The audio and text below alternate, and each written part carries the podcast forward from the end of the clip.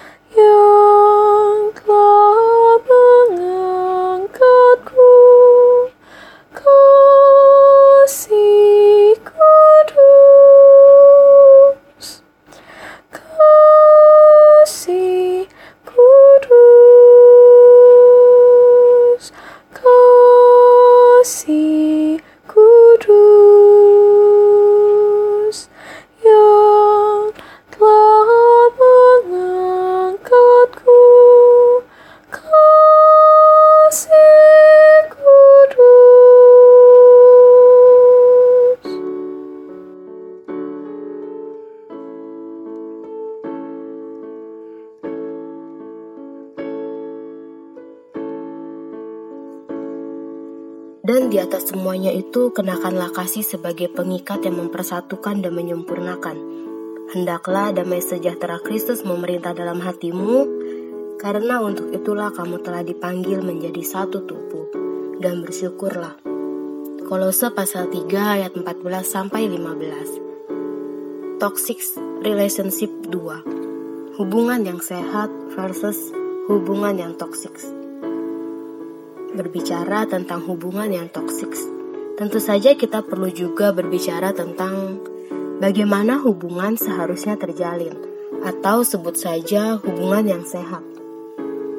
Pada dasarnya, sebuah hubungan yang kita bangun dengan siapa saja membutuhkan hal berikut, yaitu komunikasi, saling menghargai, rasa percaya, dan nilai kecocokan. Apakah kita cukup terbuka untuk mengatakan apa yang kita rasakan? Apakah kita merasa kita dihargai dengan batas-batas privasi yang kita miliki? Apakah kita merasa aman untuk percaya kepada orang tersebut? Bagaimanakah kita menilai diri kita ketika berhadapan dengan orang tersebut? Pertanyaan-pertanyaan ini juga berlaku sebaliknya. Kita juga perlu menggunakannya untuk menilai bagaimana sikap kita dalam relasi yang kita jalani. Hubungan yang sehat dapat menghadirkan rasa aman bagi kita untuk mau berbagi tanpa merasa ditekan. Kita dapat menjalani kehidupan kita dan lingkungan sosial kita dengan bebas, serta disupport untuk mengejar impian kita. Kita menjadi lebih mandiri dan tidak merasa direndahkan kita berbagi kasih karena kita mau menghadirkan kebahagiaan dalam hubungan bersama kita, tanpa menuntut dikembalikan atau bersikap manipulatif.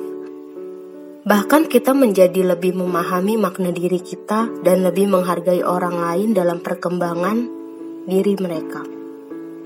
Hubungan yang sehat akan selalu memberi ruang dan saling menghargai, karena yang menjadi dasar di dalamnya adalah belas kasih. Selain itu, kita juga mau untuk memahami kerapuhan masing-masing dan mau terus belajar mengenal satu sama lain. Sebaliknya, hubungan yang toksik justru membuat kita sulit untuk memahami identitas kita, membuat kita terus merasa curiga, merasa tidak pernah cukup, merasa bersalah, atau membuat kita merasa bahkan kita bersikap terlalu berlebihan. Tidak ada relasi yang sempurna. Semua orang sedang sama-sama belajar untuk menemukan maknanya di dalam dunia. Namun, dalam relasi kita dengan siapa saja, kita diajarkan untuk menjadikan kasih sebagai fondasinya. Kasih adalah pengikat yang mempersatukan, bahkan menyempurnakan, bukan menghancurkan atau memecah belah. Pada beberapa kasus, menyayangi sering kali dijadikan alasan untuk mengendalikan orang lain. Namun sesungguhnya, kasih dan cinta tidak pernah membawa makna merendahkan atau menghancurkan orang yang kita kasihi. Melainkan, berupaya untuk menghadirkan kebaikan bagi semuanya.